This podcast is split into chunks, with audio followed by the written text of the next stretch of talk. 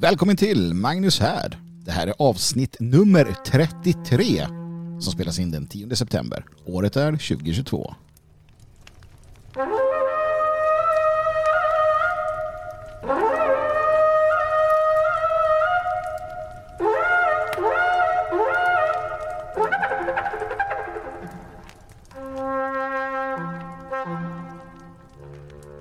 Ja men då var vi igång.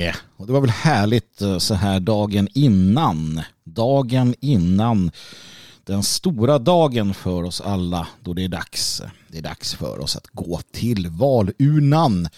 Det är dags att stoppa vår röst i eh, den stora trälådan där på röstkontoret. Och mm, bestämma hur Sverige ska styras i fyra år framåt. Eller inte. Ja, ni vet att jag inte är helt imponerad ja, över, eh, över den här parlamentariska demokratin. Jag är inte så säker på att det spelar så där vansinnigt stor roll. Men jag är tillräckligt övertygad för att det spelar tillräckligt eh, roll för att det är värt att göra det. Det vill säga det är värt att gå till eh, vallokalen. Det är värt att vara en del av detta spektakel.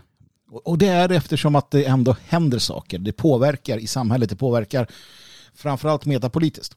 Det påverkar hur människor tänker, hur man resonerar. Det påverkar ehm, hur, hur samhället eh, resonerar. Det påverkar debatten. Det påverkar väldigt mycket. Efter att Sverigedemokraterna kom in i regeringen för ett gäng år sedan till exempel så ändrades debattklimatet på ett sätt som gjorde det definitivt lättare för den breda nationella oppositionen att kunna föra fram sina åsikter och tankar. Ehm, och, det var ju till gagn för oss. Så därför är det till gagn att det, att det händer saker som, ehm, som, som, är till, ja, som är till gagn för oss. Då. Samma sak så blir det ju problematiskt om det sker andra saker kanske. Det påverkar i vilket som. Ehm, och det är ett bra sätt naturligtvis för oss att, eh, att eh, ta tempen lite grann på vad som händer och sker i samhället och hur människor funderar därför tycker jag att man eh, definitivt kan eh, ta del i detta och vara en del av eh, detta. Sen får man ju välja själv hur mycket man ska investera i tid och pengar. Hur mycket man ska arbeta för, för det alternativ som man själv då tror på. Och det är ingenting som jag säger åt folk att göra ditten eller datten, även om jag själv är av den åsikten. Att om du tror på någonting, om du har bestämt dig för någonting, då, då följer upp det, då, då bidrar du, då, då är du en del av det. Um, så att eh, det, det, är ju inte, det är inte svårare än så. Själv ska jag till exempel nu på söndag då, på söndag morgon tidigt i ottan ge mig iväg och se till så att det finns eh, valsedlar i de vallokaler som jag blivit tilldelad. Um, och um, det tycker jag är ett viktigt uh, arbete och Eftersom att det var, ett eh, ganska, det var ganska tunnsått med, eh, tunnsått med eh, personer som erbjuder sig. Så får man hoppa upp och göra det helt enkelt. Det är bara att manna upp och göra det man ska. Så, val, val, val. Imorgon är det dags. Om du har någon valvaka som pågår där du bor så varför inte dela den stunden med dina vänner eh, och trosfränder och politikerkamrater. Själv så ska jag nog sitta i lugn och ro med Josef, eh, vår vän från Svenskarnas hus och eh, en kollega. Och, och, eh, i alla fall en del av, av kvällen titta på, titta på valvaka och prata om vad som komma skall. Men det viktiga här, det viktiga här, kära lyssnare, det är ju eh, vad du ska rösta på. Och du har säkert eh, koll på det själv. Och jag ska inte jag ska inte säga åt dig faktiskt, vare sig det ena eller det andra. Ehm, men jag ska säga åt dig att du inte får glömma vad det handlar om. Och det handlar om familj, folk och nation. Det är liksom en, en grundpremiss i detta. Det är ett alternativ som har bäst politik för familj, folk och nation är det du ska rösta på. Ehm, sen är det upp till dig att avgöra vilket alternativ det är. Men alternativen är inte så många kan jag tycka om man gör en, en rättvis bedömning. Så eh, ha det i, i åtanke. Men gör din plikt också i detta. Jag tänker att jag, eh, jag tänker att jag uppmanar dig så gott jag kan eh, via eh, by proxy som man säger. Och jag gör det då från, eh, genom att låna eh, Karl Enfrid Karlbergs dikt ifrån diktsamlingen Storm av Sodom som kom ut, jag ska se när den kom ut, det var länge sedan i alla fall. Ja, står ju inget datum där naturligtvis. Men i alla fall, den här är gammal. Vi pratar början på 1900-talet. Och jag vet inte om det är till valåret någonstans där i krokarna antagligen. Och då har Karlberg diktat Eh, i, i denna dag som heter I valet och kvalet. Eh, med underrubriken Rösta rätt, rösta svenskt. Jag tänkte att jag, jag tar den här dikten och, och ger den till er som en sista, en sista uppmaning och sista påminnelse här nu inför morgondagen. Upp till val, upp till val, aktivist och fascist, liberal, radikal, upp till val. Upp till val, upp till val, bolsjevist, klärtist, social, kannibal, upp till val. Upp till val, upp till val, sionist, judaist, jubergist, ateist, upp till val. Upp till val, upp till val. Rösta rätt, rösta rött, rösta grönt, rösta grått, rösta lila och indigoblått. Upp till val, upp till val, arma land, ett sånt stoj, arma folk, vilket skoj, milde Gud, giv oss ro, milde Gud, låt oss tro på vår ras och vår rot, på vårt hem och vår urgamla stam. Upp till val, rösta svenskt. Där har vi det. Rösta svenskt. Upp till val, gott folk och rösta svenskt. Nu tänker jag att jag ska lämna över ordet alldeles strax till Gustav Kasselstrand jag blev uppmärksammad på att han hade hållit, han har ju hållit flera anföranden här nu under valrörelsen, men jag blev uppmärksammad på ett ifrån Trollhättan. Och det var ett som ehm, i samband med ett tal han höll där den 2 september. Ehm, och det här Handlar det om någonting som har varit varmt om mitt hjärta under en längre tid. Under ett eh, eh, antal år faktiskt. Eh, och någonting som jag har återkommit till om och om igen och det är eh, att de som har gått före bör få den respekt och det erkännande de så väl förtjänar. Från bland andra Sverigedemokraterna men också tidigare inom citationstecken anständiga alternativ. Alltså eh, grupper och, och, människor som, som försöker att eh, ja, vara anständiga i någon politiskt korrekt bemärkelse som tror att eh, om de bara lägger sig platt och förnedrar sig och tar avstånd och spottar på eh, sin rörelses historia så kommer de bli eh, upplyfta, erkända eller ja, vad man nu ska säga. Eh, och det kanske man blir till det priset att man förlorar sin själ. Men det har varit, eh, det har varit eh, ständigt pågående diskussioner, eller ja, inte så mycket diskussioner för att väldigt många från den gamla tiden har, har valt att inte ge sig in i dem. Men jag har också läst, det var populärt för några år sedan att man att man angrep den gamla rörelsen då och sa att skinnskallarna var dåliga och Eh, de där var dåliga och de där som gjorde det var dåliga och de gjorde så att det blev fel. Och, oj, oj, oj vad dåliga alla var. Men eh, det är ju inte sant naturligtvis utan eh, de som gick före röjde väg. De krattade manegen de som på olika sätt och vis under alla år som har gått under lång tid har arbetat och, och, strävat har alla varit med och bygga den grund som så många idag står på. Och jag blir eh, upprörd och ledsen när jag, i, i, när jag noterar att dessa människor inte får um, det erkännande de förtjänar. Och det är människor jag själv känner. Eh, människor som har varit aktiva länge. Naturligtvis också väldigt många som eh, jag inte känner och som har gått vidare. Vi har hållit på med det här länge.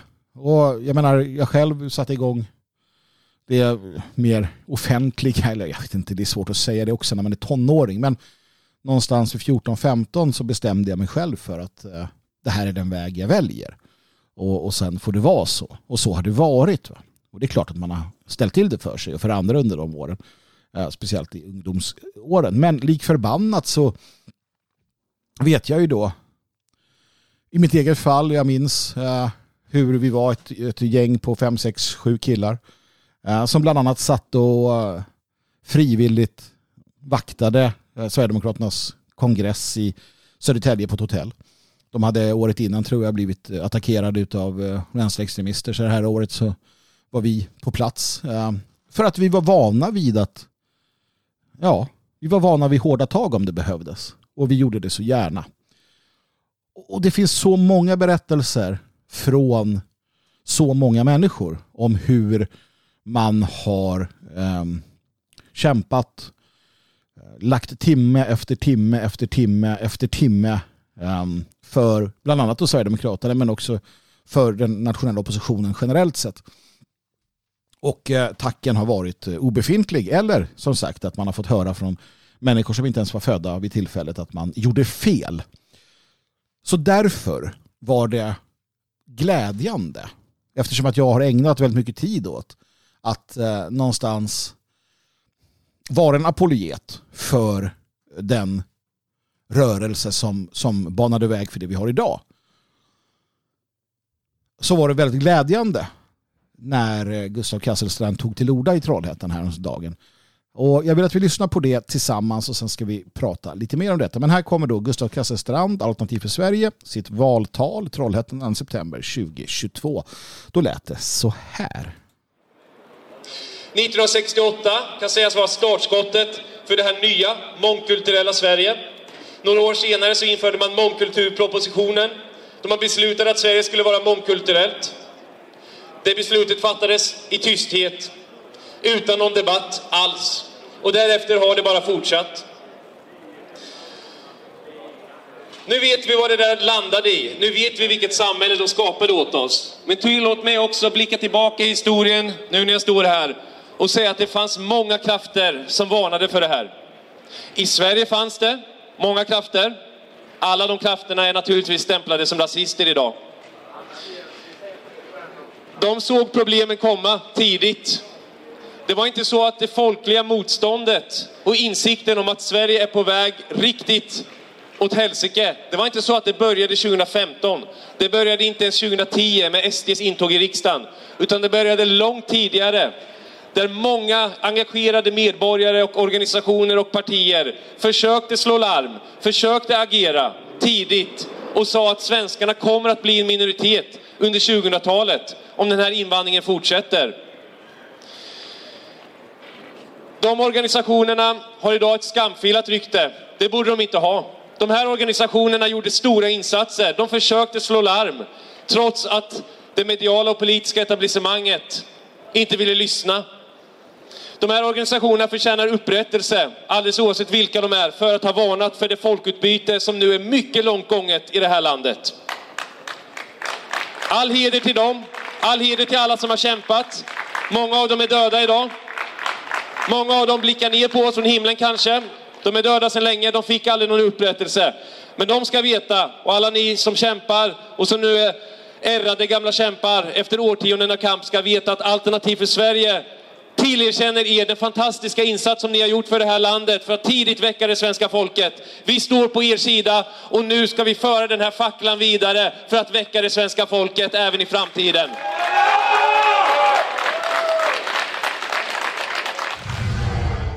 Ja, så där lät det alltså i Trollhättan när Alternativ för Sverige val valtalade eller Gustav Kasselstrand valtalade för Alternativ för Sverige. Och eh, ja, för egen del hade jag inte eh, hade jag inte hade jag, hade jag tvekan på vad jag skulle rösta på så skulle det där definitivt då vägt över eh, till att det är Alternativ Sverige som är mitt val. Av det enkla skälet i sådana fall att Gustav Kasselstrand säger och gör det här. För att det fanns ingen anledning för honom. Alltså rent politiskt och eh, rent eh, taktiskt så fanns det ingen anledning för honom att göra det här. Snarare tvärtom. Här gav han eh, massmedia, Expo och alla andra möjligheter att för all framtid kunna konfrontera med jaha, här står du och eh, säger att eh, ditten och datten var, eh, var bra. Här står du och tar ställning för det ena och det andra och den ena och den andra. Det fanns inget logiskt skäl på det sättet att göra det här. Det fanns ingen som helst eh, vinning i det. För att de flesta av dessa gamla kämpar som fortfarande är kvar, de fortsätter att rösta på, på den typ av, av parti som Gustav Kasselsen företräder. Så att någonstans så, så fanns det liksom ingen mening med det. Och det är det som gör det så speciellt. Det är därför det är så mycket Eh, så, så, så, så fint gjort av honom. Just för att han inte hade behövt göra det. Just för att han inte hade något att vinna på det. Eh, det, det han vinner är respekt och, och tacksamhet från väldigt många människor naturligtvis som har väntat eh, ganska länge på att bli erkända på det sättet. Många av dem kommer inte ens veta att det händer för att de inte är med oss längre som han säger. Han gör det här för att det är ett genuint, en genuin vilja. Och det är det som gör det unikt och det är det som betyder allting. Det, det säger någonting om, om Gustav Kasselstrand. Och det säger någonting om honom då som, som ledare för Alternativ för Sverige och hans val i hur han företräder sig själv och företräder sin rörelse. Och det krävs inte särskilt mycket för att göra de här, han tar upp de gamla ärade kämparna, nöjda. Det, det, det är sant att det är så. För att den här det här erkännandet, det vet jag att det är många som har väntat på, med all rätta. Med all rätt så har man väntat på detta. Och uh, nu kommer det. Nu kom den här via Gustav Kesselstrand. Um, så att det, det, det, är en, det är en uh, stor sak för väldigt många. För att det har varit sparsmakat. Uh, det kan vi se, speciellt med, med internet och när, när den här Sverigevänliga vågen kom. Och nya så kallade då Eh, framträdare eller företrädare för saken dök upp. Människor som förstod att det var opportuna. Människor som förstod att nu är det dags att hoppa på det här tåget. Till och med sådana som hoppar på tåget och sen så hoppar de av det igen. En sån som Heberlein till exempel. Hur man nu kunde ta henne på allvar. Men, men vi har andra. Vi har människor som då för inte så länge sedan ehm, som Katarina Janouch eh, stod upp för de som ville valsabotera för Sverigedemokraterna som sen blev en uppburen frontperson för någon form av eh, sionistisk, anti-islamistisk, Sverigevänlig, vad det nu kan tänkas vara. Och hon är inte ensam, det finns ett helt gäng kring de här människorna. Det är människor som har under år byggt upp sina karriärer. Vi har de, de, eh, de eh, finansiärerna bakom eh, stora alternativmediesatsningar. Vi har andra personer som på olika sätt vi stöttar upp. Och ingen är mer glad än jag att, att det äntligen har, har kommit dit. Men det finns naturligtvis ett uns av bitterhet hos väldigt många människor. För att medan vi blev arresterade, slogs, fick bilar sönderslagna, hem uppeldade, eh, barn skrämda, uthängda av massmedia, eh, miste livet i några fall, miste alla möjligheter till karriär, miste alla möjligheter till någon form av pension. Att öppna det här eh, orangea kuvertet får en ju inte att skratta direkt. Medan vi gjorde det så byggde de här människorna sina karriärer, sina företag och sina liv. Och när de har allting på det torra och när opinionerna börjat svänga då kliver de fram och drar ännu mer nytta av det. Och det är som det är. Och det är som det alltid har varit. Så att det var väntat. Det var väntat och det kommer fortsätta vara så att den absoluta majoriteten utav alla som nu då ingår i den här Sverigevänliga rörelsen De kommer fortsätta att vara okunniga eller ointresserade av alla de som gick före. De kommer vara ointresserade av att ta reda på vilkas axlar de står på.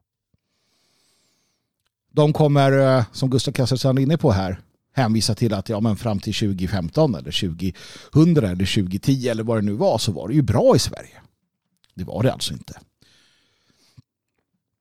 Inte alls. Och problematiken ligger snarast i det faktum att de som glömmer sin historia, de som glömmer vad de som gick före gick igenom, de pris som betalades. Det finns människor som betalade med sina liv. Och det finns de som kommer fortsätta betala med sin, eh, sina möjligheter. Sina möjligheter att, att ha en, en värdig ålderdom. Människor som inte kommer ha någon pension. Människor som inte kommer ha någonting i princip för att de har gjort allt för den här saken. De finns kvar. De har alltid funnits. Och det är det som det är det som blir så, så fint med det Gustav Kasselstrand säger. För att det är ingen av dem som förväntar sig någonting. Vi är inte inblandade i det här för att få något. Det är helt fel eh, rörelse. Det har hänt vissa saker naturligtvis. De som nu ger sig in i detta. Eh, de som nu eh, ser till att, att eh, stå på dessa ärofulla människors axlar och hova in, um, hova in olika eh, förmåner genom företagande som riktar sig till den opposition som nu har växt till sig.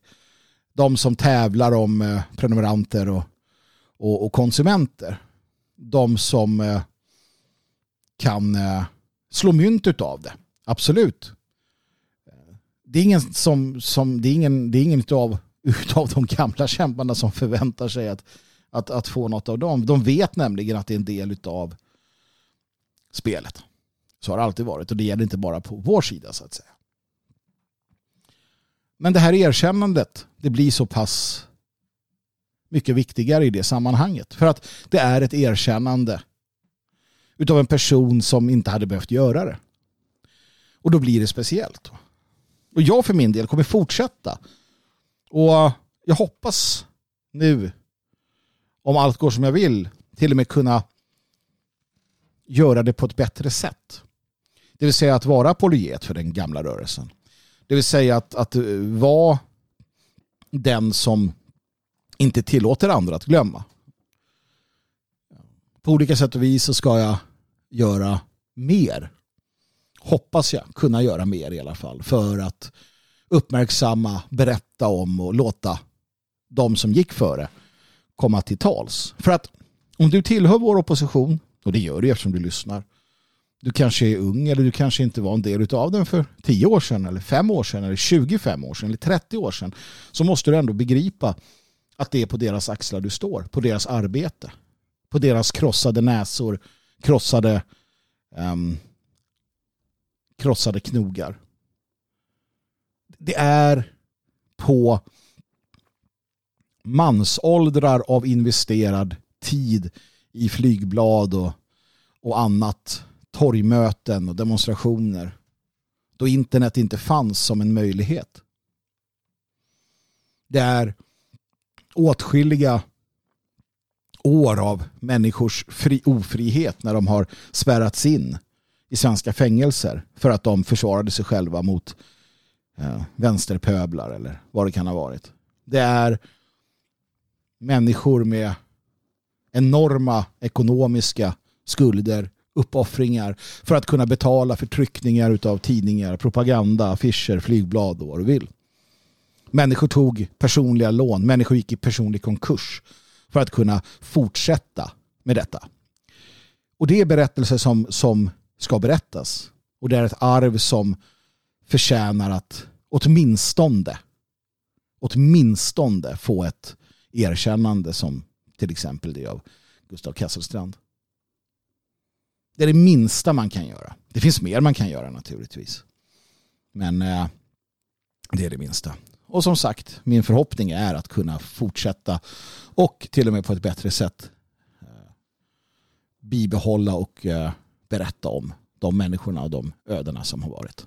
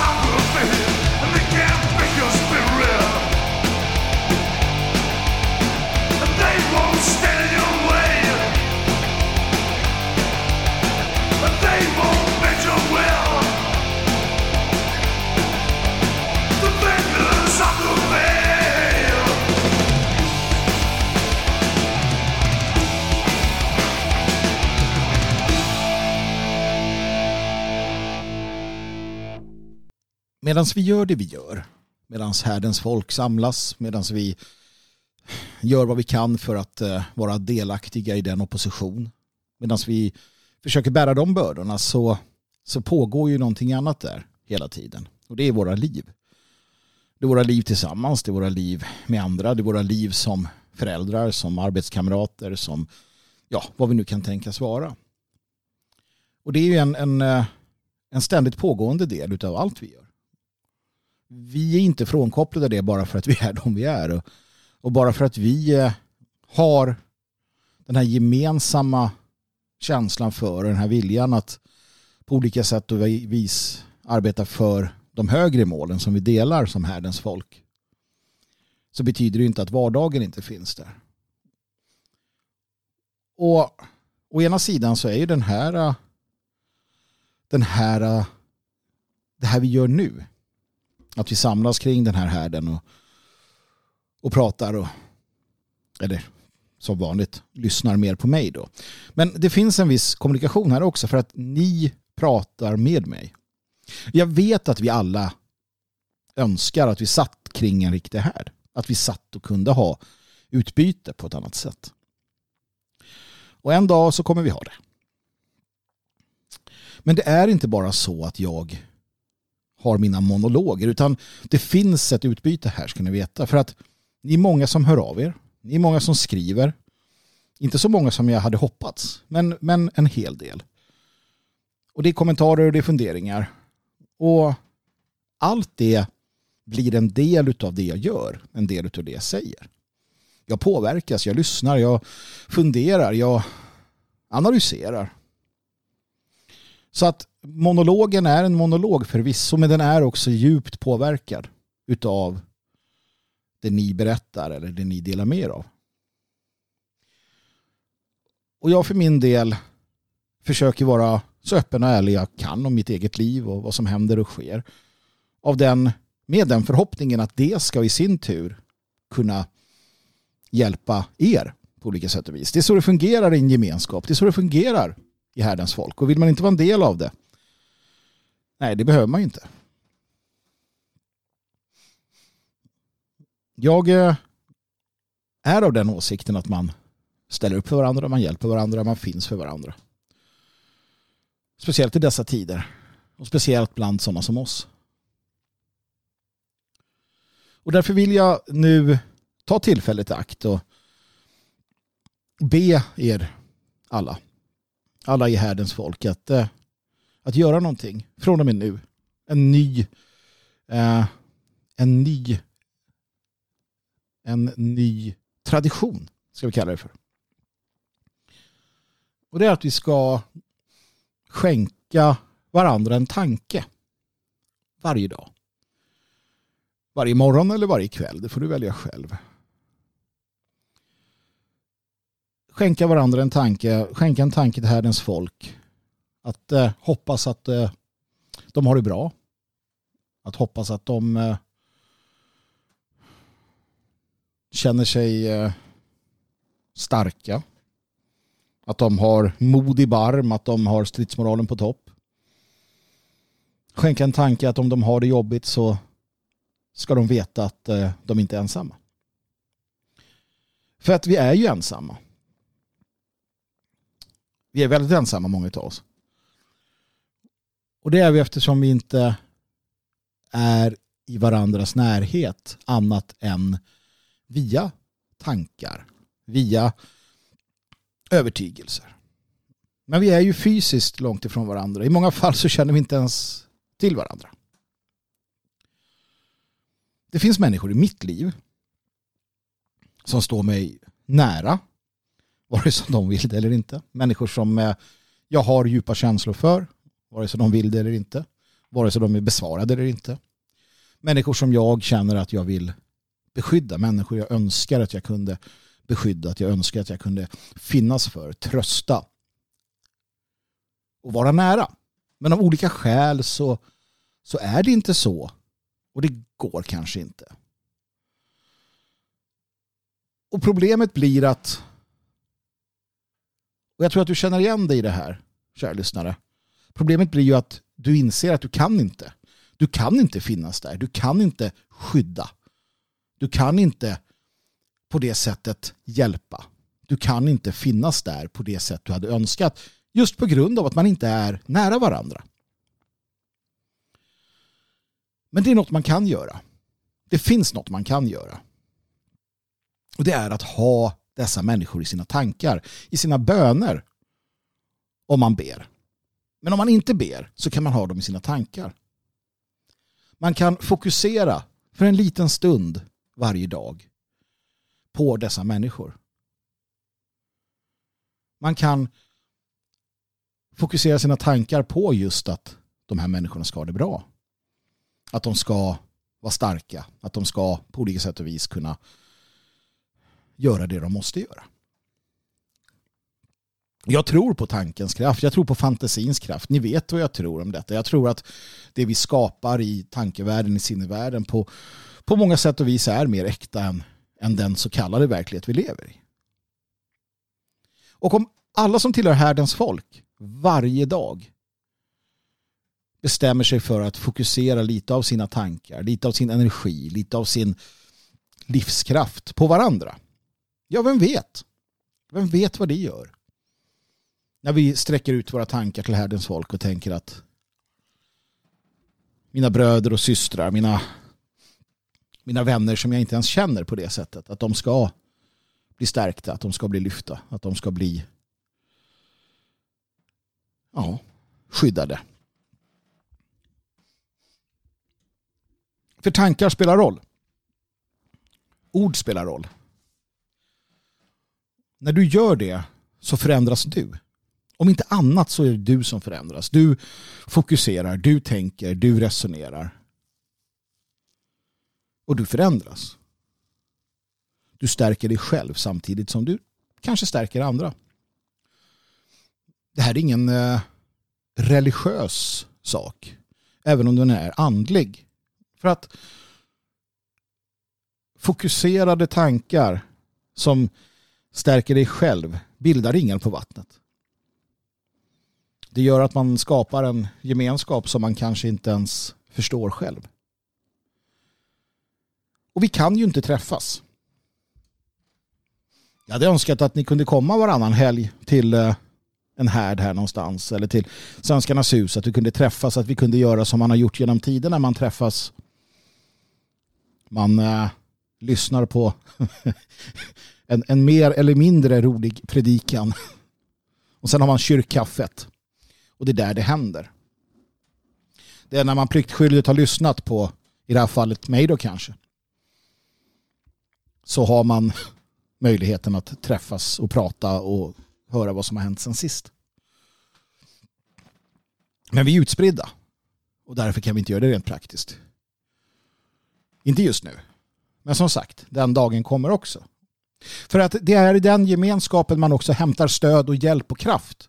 Men den gemenskapen kan vi ju inte ha rent fysiskt just nu. Alltså har vi den andligt. Och den behövs. För att livet pågår för oss. De vardagliga sakerna tynger oss. Och skeenden kan nästan knäcka oss. Och då behöver vi varandra. Det är då vi behöver kunna sträcka ut en hand och lägga på någons axel. Eller att ge någon en omfamning och säga att eh, jag finns här. Men det kan vi inte eftersom vi inte är nära varandra. Men jag kan det. Till del. För att ni hör av er. Ni berättar. Många av er, inte många nog dock, använder härden som ett sätt att ja, dela med er av hur ni har det. Och jag vill dela med mig till alla andra. Och få er att förstå att det finns en, en växande gemenskap som är svår att förklara. Och jag tror att fler än jag känner den här äh, att det händer någonting, att det pågår någonting, att det är någonting. Någonting som binder oss samman. Och i det finns en styrka, det finns en enorm styrka. Och jag vill vara i dagsläget den ni kan använda. Den ni kan gå igenom. Den ni kan använda som förmedlare. När ni berättar saker, när ni skriver saker så, så tar jag dem till mig. Jag tar upp dem och jag låter dem bli en del av det här som vi delar med oss av. Det här jag delar med mig av. Och då kan ni få i det delandet så får man stöd. För att det blir fler personer inblandade som kommer att tänka på det. Och som då från och med nu varje dag kommer att sända ut sina kärleksfulla böner, tankar, vad du nu vill till varandra. Och där så bygger vi detta. Och jag vet att en av våra lyssnare har haft en eh, extra besvärlig tid under en, en tid. Och jag vet att det i eh, går var extra jobbigt. Och jag tänker inte nämna namn. Jag tänker inte ge detaljer. Men jag vill att vi alla ska fokusera nu tillsammans på att han och hans nära och kära ska få det här extra stödet, den här hjälpen. Genom att tänka, genom att bära bördan tillsammans. Genom att skänka en tröstande tanke. Gör det om inte annat för min skull. För att det spelar roll. Och när vi kommer närmare varandra, när vi kommer fysiskt närmare varandra i framtiden så kommer det kunna stärkas ännu mer. Och han är inte ensam om att drabbas av det som livet kastar emot oss. Andra som tillhör vårt folk, andra av Herrens folk går igenom liknande eller annat som är påfrestande och, och jobbigt i detta nu. I detta nu så finns det många av Herrens folk som har det är jobbigt. Och vi måste finnas för dem. För varandra. Alltid. För vad spelar det för roll annars? Om vi inte flyttar på vår uh, vårt fokus, om vi inte låter detta bli en del av en, en uh, gemenskap som transcenderar det här just nu. Vad spelar det då för roll? Jag vill mer. Jag vill mer utav det vi gör. Och därför så ber jag er att vara en del utav detta. Det går naturligtvis utmärkt att inte vara det också. Om man har den inställningen. Men jag vill att ni är en del utav, eh, utav det. Jag vill att ni hjälps åt. Att vi hjälps åt. Så att vi kan göra någonting mer. Jag tror nämligen att vi har någonting på gång. Jag kommer återkomma till det vad det lider. Men det finns någonting här. Någonting som sker. Och det är inte bara, inte bara hos oss i härdens folk. Det är generellt. Det händer saker. Kanske är det den uppvaknade ariens, inte bara vrede som Kipling pratar om, men någonting annat. Det är själar som sätts fria, jag vet inte. Någonting är det i alla fall. Så jag ber er gott folk att göra detta till en, en del av er dagliga rutin. Att skänka en tanke till härdens folk. Skänka en tanke till varandra. Att finnas där. Att, eh, att eh, säga till dig själv att jo då, jag kommer stå upp för och finnas där för mina bröder och systrar. Det finns människor där ute vi vill beskydda. Det finns människor där ute vi vill hjälpa som vi inte kan göra på det sättet som vi önskar just nu. Men som sagt, då kan vi finnas där i, i själ och ande. Och det är nog så det är nog så viktigt. Det, det kan vi inte underskatta.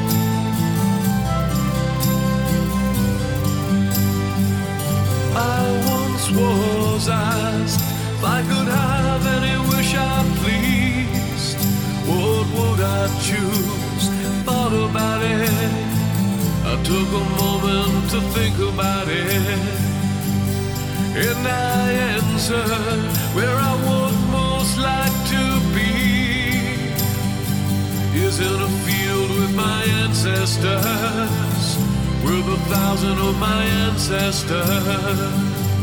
Some common, some great, some fearful, some challenging fate, some angry, full of fire and rage, some just trying to survive for another day. I wanna meet my ancestors.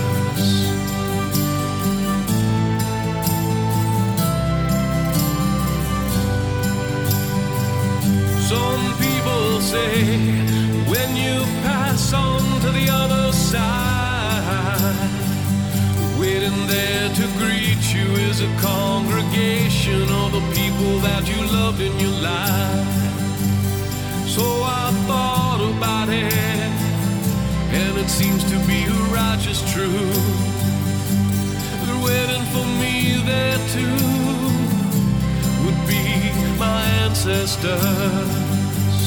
Some wicked, some kind, some lost in a struggle to control the mind. Some faithful, some proud, some determined to speak above the crowd. I want to meet my ancestors. I'm every one of my ancestors.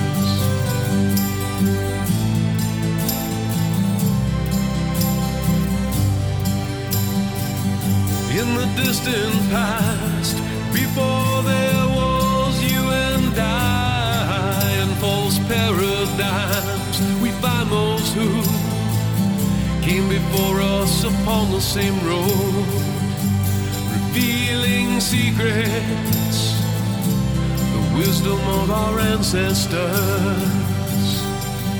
In honor, in truth, in shining ideals to inspire the youth. These values we find living in this place from another time. I want to meet my ancestors. touch the feet of my ancestors.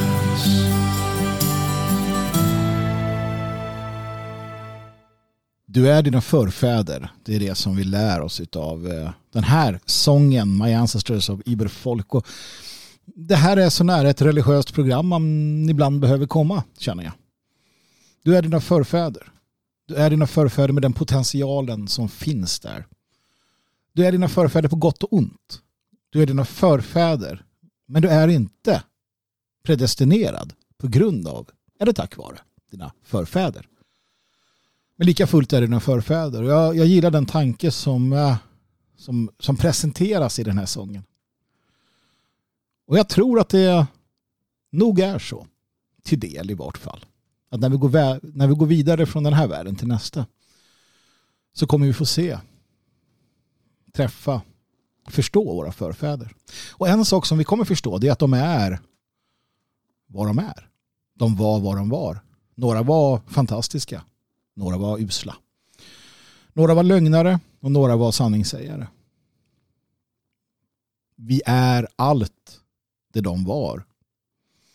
Och vi väljer själva hur vi blir.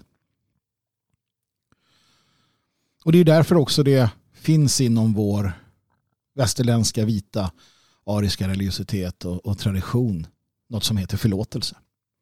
Det är därför förlåtelsen är så avgörande och så viktig i vår religiositet. Förlåt dem, ty de vet inte vad de gör. Och det här eh, slog mig när jag läste en eh, tweet-konversation, ska jag väl kalla det för. Någonting som eh, alltid driver upp ens blodtryck.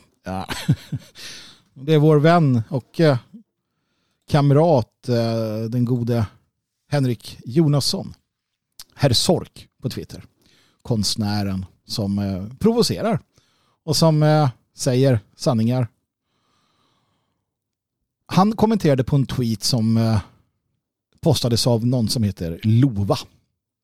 Lova är så vitt jag förstår en Stockholmsbrutta. När i eh, 20-årsåldern plus 25 plus åldern. Någonting, jag vet inte riktigt. Jag tror i alla fall.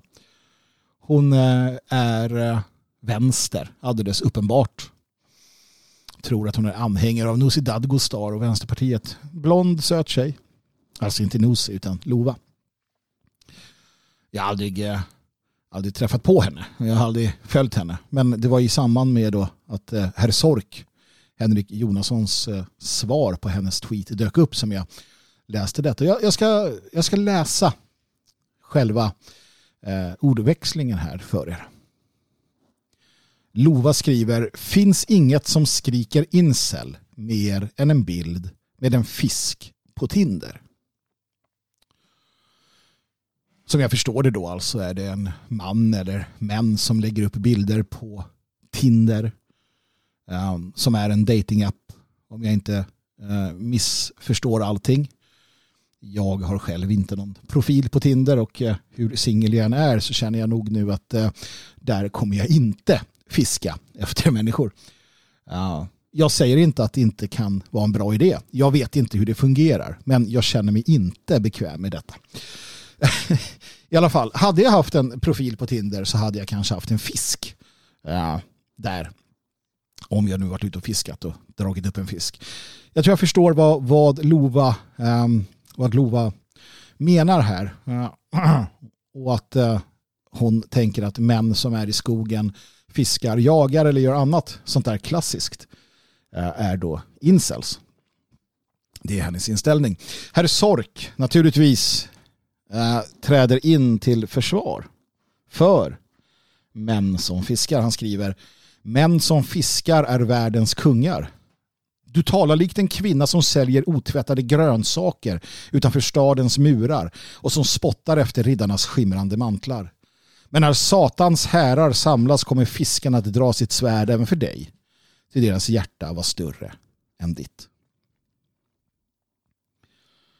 Herr Sork är en eh, man som delar min ande. Eller min anda. En anda. En man i min anda, om vi säger så. Min ande delar han nog inte, det vore underligt. Ehm, och han har helt rätt här, för det du har är den här moderna bruttan då. Som eh, sitter i sin lägenhet i storstan och eh, föraktfullt tittar på de som hon kallar för incels, männen av eh, skog och mark som drar upp fiskar och skjuter vilt och överlever. Överlever gör de väl inte, men som, som bibehåller den här eh, traditionella, skulle jag kalla, eh, bilden. Och precis som man säger så så, så spottas det efter de här människorna. Den här typen av män. Ja, inte av alla naturligtvis, men eh, utav på tok för många. Vi har kunnat se hur, eh, hur situationen i Sverige går från illa till värre i det att då unga kvinnor, kvinnor generellt sett är vänster, de är feminister, de är helt isåld till eh, de omstörtande krafterna medan männen blir mer och mer höger då i, i en klassisk eh, höger-vänster-skala. Det betyder att man, eh, man ser ner på, man, man, man hånar, man eh, ja, på olika sätt och vis då eh, lär sig att, att eh, tänka som, som Lova gör här då.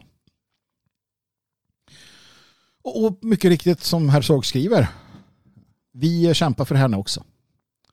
Och vi kommer kämpa för henne också. Och även om vi visste att det var Lova som hatar oss som råkar illa ut så skulle vi som fiskargubbarna då i den här eh, antologin, eller den här uh, liknelsen då dra våra svärd för henne. För sådana är vi. Sådana är vi.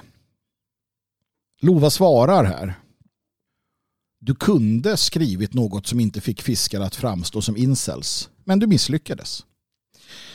Och jag tycker det är intressant för att hon begriper inte vad herr Sork har skrivit. Hon, hon förstår inte de grundläggande koncepten som han förmedlar. Hon förstår dem inte. Jag, jag, är övertygad om det. Hon förstår inte. Hon bara, alltså hallå, du kunde ha skrivit något om fiskare som inte får dem att framstå som incels. Och det är så. Hon hånar mannen med ära och heder. Hon hånar den som styrs av riddaridealen. Hon hånar den mannen eh, som ser till de enkla färdigheterna. Och då menar jag inte enkla i att de är inte svåra att hantera, men enkla i form av att fiska, jaga, bruka jord eller vad det kan vara. Det är de hon hånar, denna stadsboende vänsterbrutta. Och de männen som gör det är incels, ja. Hon förstår inte. Så herr Sork han eh, fortsätter med förhoppning om att få Lova att förstå. Han skriver, känner du inte hur stormen nalkas? Hur regnet slår likt en osalig trumma, hur vattnet stiger likt de dödas svallande sorger, hur ditt hår faller från huvudet likt onda ord föll från tungan. Även Gud är fiskare, men han fiskar efter själar. Och så du ska önska att du vore fisk. Också du ska önska att du vore fisk. Hon förstår naturligtvis inte alls vad han pratar om. Hon eh, skrattar nog eh, åt detta. Hånfullt åt denna Eh, denna konstiga människa. Herr Sork fortsätter. Men, men, och det här är också det viktiga. Men oändlig är förlåtelsen. Evig är livet för den som möter sina egna med ett öppet hjärta. Denna fiskebåt har plats för fler. Ja, den kan bära alla genom stormen. Så länge de vill ro bredvid en enkel fiskare. Kalla en fiskare för broder och han ska även kalla dig för syster. Och det är lite pudens kärna. Det var det jag var inne på tidigare vi måste hålla denna centrala förlåtelse brinnande i vårt bröst. Och jag vet hur svårt det är efter alla dessa år. Och framför allt som man och som eh, man på barrikaden så är det blytungt att stå kvar när själva, själva essensen av det vi i grund och botten kämpar för står på andra sidan och kastar glåpord på oss. För att det är ju fortsatt så att andelen kvinnor inom vår sfär, kvinnor som står på vår sida, som står bakom oss, är liten. Om än växande, som jag har blivit påmind av eh, en del personer, vilket gör mig extra glad. Men det är så att män som blir uppbackade av kvinnor blir formidabla motståndare mot den världsordning som strider mot oss. Men när vi står ensamma, sida vid sida med våra vanliga kamrater förvisso, men utan detta stöd så är det blytungt. Och många tänker, vad fan spelar det för roll? Vad fan spelar det för roll? Om kvinnorna vill om majoriteten av kvinnorna vill ha det så här, vilket de uppenbarligen vill då de röstar på det här sättet, så låt dem få det. Låt dem råka jävligt illa ut i framtiden. Och så blir man arg, man blir ledsen, man blir frustrerad och till sist så börjar man hata. Jag vet precis allt det där. Och det är här herr Sork har rätt. Det är här det jag tog upp tidigare kommer in. Förståelsen för att vi är en del av en, en stam, ett folk, en tradition, en, en, eh, en lång kedja av människor. Där det har funnits alla möjliga typer. Och vi har haft förlåtelsen som ledstjärna. Förlåt dem, ty de vet inte vad de gör. Att förlåta betyder inte att acceptera. Att förlåta betyder inte att uh, låta människor trampa på en. Att förlåta är ett sätt att hantera hur världen är beskaffad. Förlåtelsen sker lika mycket för din skull som för någon annans skull. Och här är herr Sork inne på någonting. Vi måste förlåta Lova. Vi måste förlåta alla de som beter sig som hon. Ty de vet inte vad de gör. Och vi måste vara tydliga med att det finns en väg tillbaka. Vi stänger inte dörren. Vi stänger inte dörren. Lova svarar på herr Sork. Du var alltid en liten poet du. Fint skrivet men nej. Hon avvisar ju naturligtvis. Men hon gör det för att hon förstår inte. Hon förstår inte de grundläggande koncepten som ära och heder. Hon gör inte det. Och det är få som gör det idag. Det är få som gör det. Herr Sork fortsätter. Jag är ingen poet. Jag är ingen adlig gäst. Jag sjunger ej vid banketters breda bord. Jag är blott en sork som, kräver, som gräver mina gångar. Som lyssnar med örat mot marken. Som bävar inför jordens mörkaste minnen. Och vid älvens strand ropar jag till fiskaren, min frälsare och frände. Och det här vill jag ta fasta på. Det här vill jag fortsätta att predika. Jag vill fördjupa denna tanke, denna inställning till livet. Jag gläds åt herr Sork och hans yngre och äldre för den delen följare och vänner. Och de som har förstått detta, som har tagit den här kärleks, det här kärleksbudskapet till sig och som förstår att bygga en, en ny gemenskap, en ny idé kring kärlek, kring förlåtelse. Och jag hoppas och jag tror att det här kommer bli den nya melodin för oss. Jag kommer göra allt jag kan för att vara en del av detta, för att driva på detta, för att, för att hjälpa till med detta, för att förklara detta, för att, för att förstå detta. Och i sammanhanget då, ett par ord till mina kvinnliga lyssnare. Ni måste förstå hur viktiga ni är. Utifrån ett biologiskt perspektiv naturligtvis. Men framförallt ur ett andligt och framförallt ur ett perspektiv som går ut på att ni är avgörande för att vi ska orka.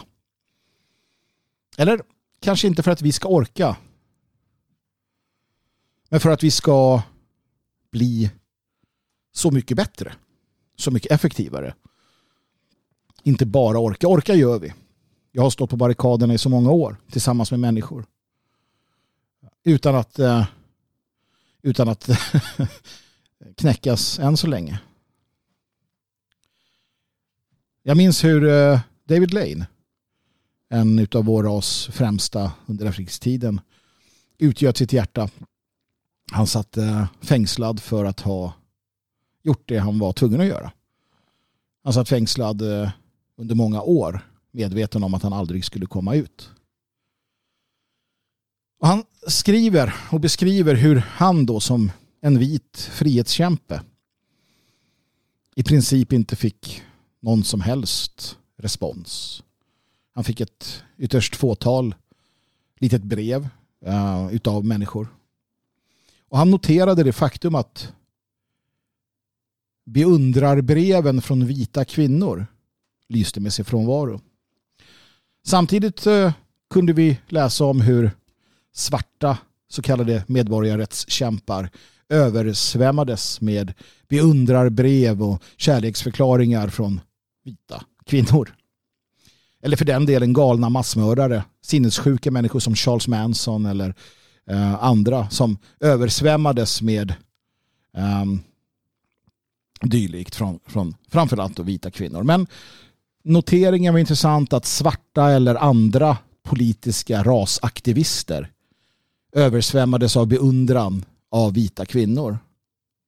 Medan han som vigt sitt liv åt, han med många andra, vigt sitt liv åt att just vara en front för beskyddare av den vita kvinnan möttes av tystnad eller ja, i vissa fall då naturligtvis hån och, och hat. Precis som jag har upplevt och många med mig. Och det är tungt. tungt. Det är tungt att gå på demonstrationerna som gjorde förr och se hur vita kvinnor står på andra sidan och spottar och fräser. För att det är för er skull vi gör det här. Låt oss vara tydliga med det. Män gör saker för kvinnor. Naturligtvis så har vi ett högre mål. Naturligtvis så finns plikten där. Naturligtvis så, så finns det mycket som gör att vi gör det här alldeles oavsett och det har vi bevisat genom åren. Men i grund och botten gör vi det för kvinnor. Vi gör det för er skull. Och det lättaste sättet att få män att ge sig ut på rövartåg det är att lova dem kvinnor. Det är biologiskt. Ni är så otroligt viktiga för oss. Att känna stödet från er. Att, att veta att ni finns där. Att se de konton som finns på sociala medier där vita kvinnor på olika sätt och vis ger någon form av stöd eller sympati eller klapp på axeln till de som kämpar är enormt viktigt. Ni är enormt viktiga i detta. Det går inte att komma ifrån. Och, och, och det går inte att understryka nog. Det går inte att understryka nog. Men här visar som sagt herr Sork också en väg som vi måste ta för att uh, vi har varit ganska dåliga på det tidigare.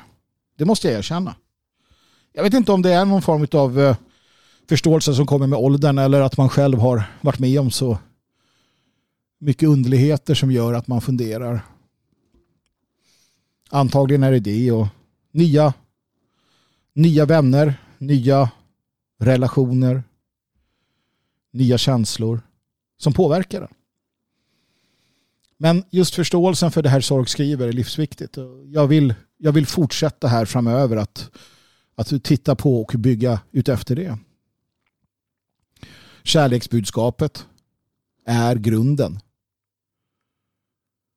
Förlåtelsen måste finnas där. Men också de eh, tydliga rakt på sakbudskapen som till exempel kvinnor förstå hur viktiga ni är. Kliv fram. Kliv fram inte bara för att vara med och påverka era systrar utan också för att visa de män som står på barrikaderna att ni finns där. Att de inte är ensamma. Förstå hur viktigt det är. Man kan tycka så att det inte behöver sägas. Jag kan ofta tycka att det jag säger inte behöver sägas för att det borde förstås. Men jag förstår också att vi lever i en tid då det absolut mest basala måste sägas, sägas igen och upprepas. Och jag vet hur jag reagerar när jag får uppskattning och framförallt för uppskattning från det täcka könet. Det bär en vidare framåt. Och jag skiljer mig inte från andra män. Andra män som står där på barrikaderna och har gjort det i alla dessa år. Visa att ni uppskattar dem. Visa att ni ser dem. Det finns många sätt för er att göra det. Och framförallt visa det just genom era sociala medier eller på andra sätt. Påtala att ni uppskattar det. Var tydliga med det. Hela tiden, överallt, alltid påtalar det som ni kanske tänker är uppenbart. Sprid kärlek. Sprid det positiva. Sprid de tankarna. Ringar på vattnet återigen ringar på vattnet återigen. För att det kommer att lyfta stridsmoralen för så många människor. För det är dystert. Det är dystert att se när undersökningarna kommer att den absoluta majoriteten av kvinnorna röstar vänster. Det är tungt. Och därför är ni som inte gör det pärlor av guld. Ni är så, så speciella. Och det spelar ingen roll hur gamla ni är, hur unga ni är. Att känna stödet är det som får oss att helt klart fortsätta. Fortsätta lite bättre. Bli lite mer skarpa. Vi kommer inte hoppa ner från barrikaden. Det spelar ingen roll. Jag kommer stå där själv. Och jag vet att andra kamrater, medkämpar, kommer stå där. Vi har stått där i alla år. Men vi står lite rakare i ryggen. Vi får ett större leende på läpparna. Vi känner en eh, stolthet i kroppen när vi vet att ni står bakom oss. När ni tydligt visar att ni står bakom oss. Så till alla, kom ihåg återigen vikten av kärleken, förlåtelsen som ledstjärnor i det vi gör. Framförallt förlåtelsen mot varandra, mot oss själva och mot dem som inte vet vad de gör i detta nu. Och ni kvinnor, ni som tillhör det täcka könet förstå hur viktiga ni är för stridsmoralen. Vi behöver er. Vi behöver er bakom oss. Vi behöver höra att ni ser oss. Vi behöver höra och veta att ni uppskattar det vi gör. Så gör det. Gör er plikt.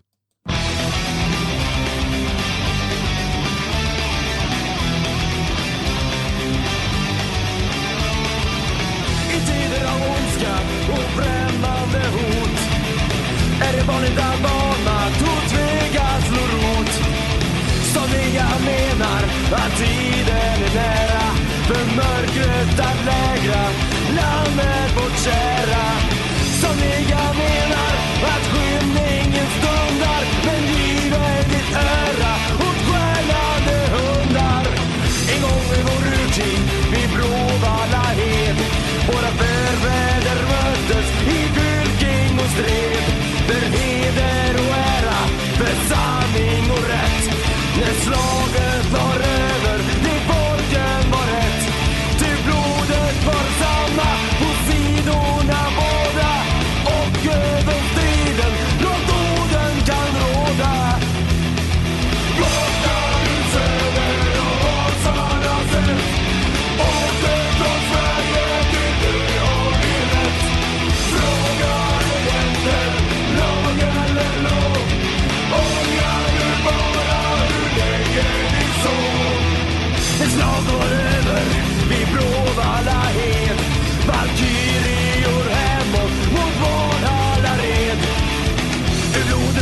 marken där kämparna dött. Växte vårt släkte Sverige var fött. Nationen och folket är samma som då.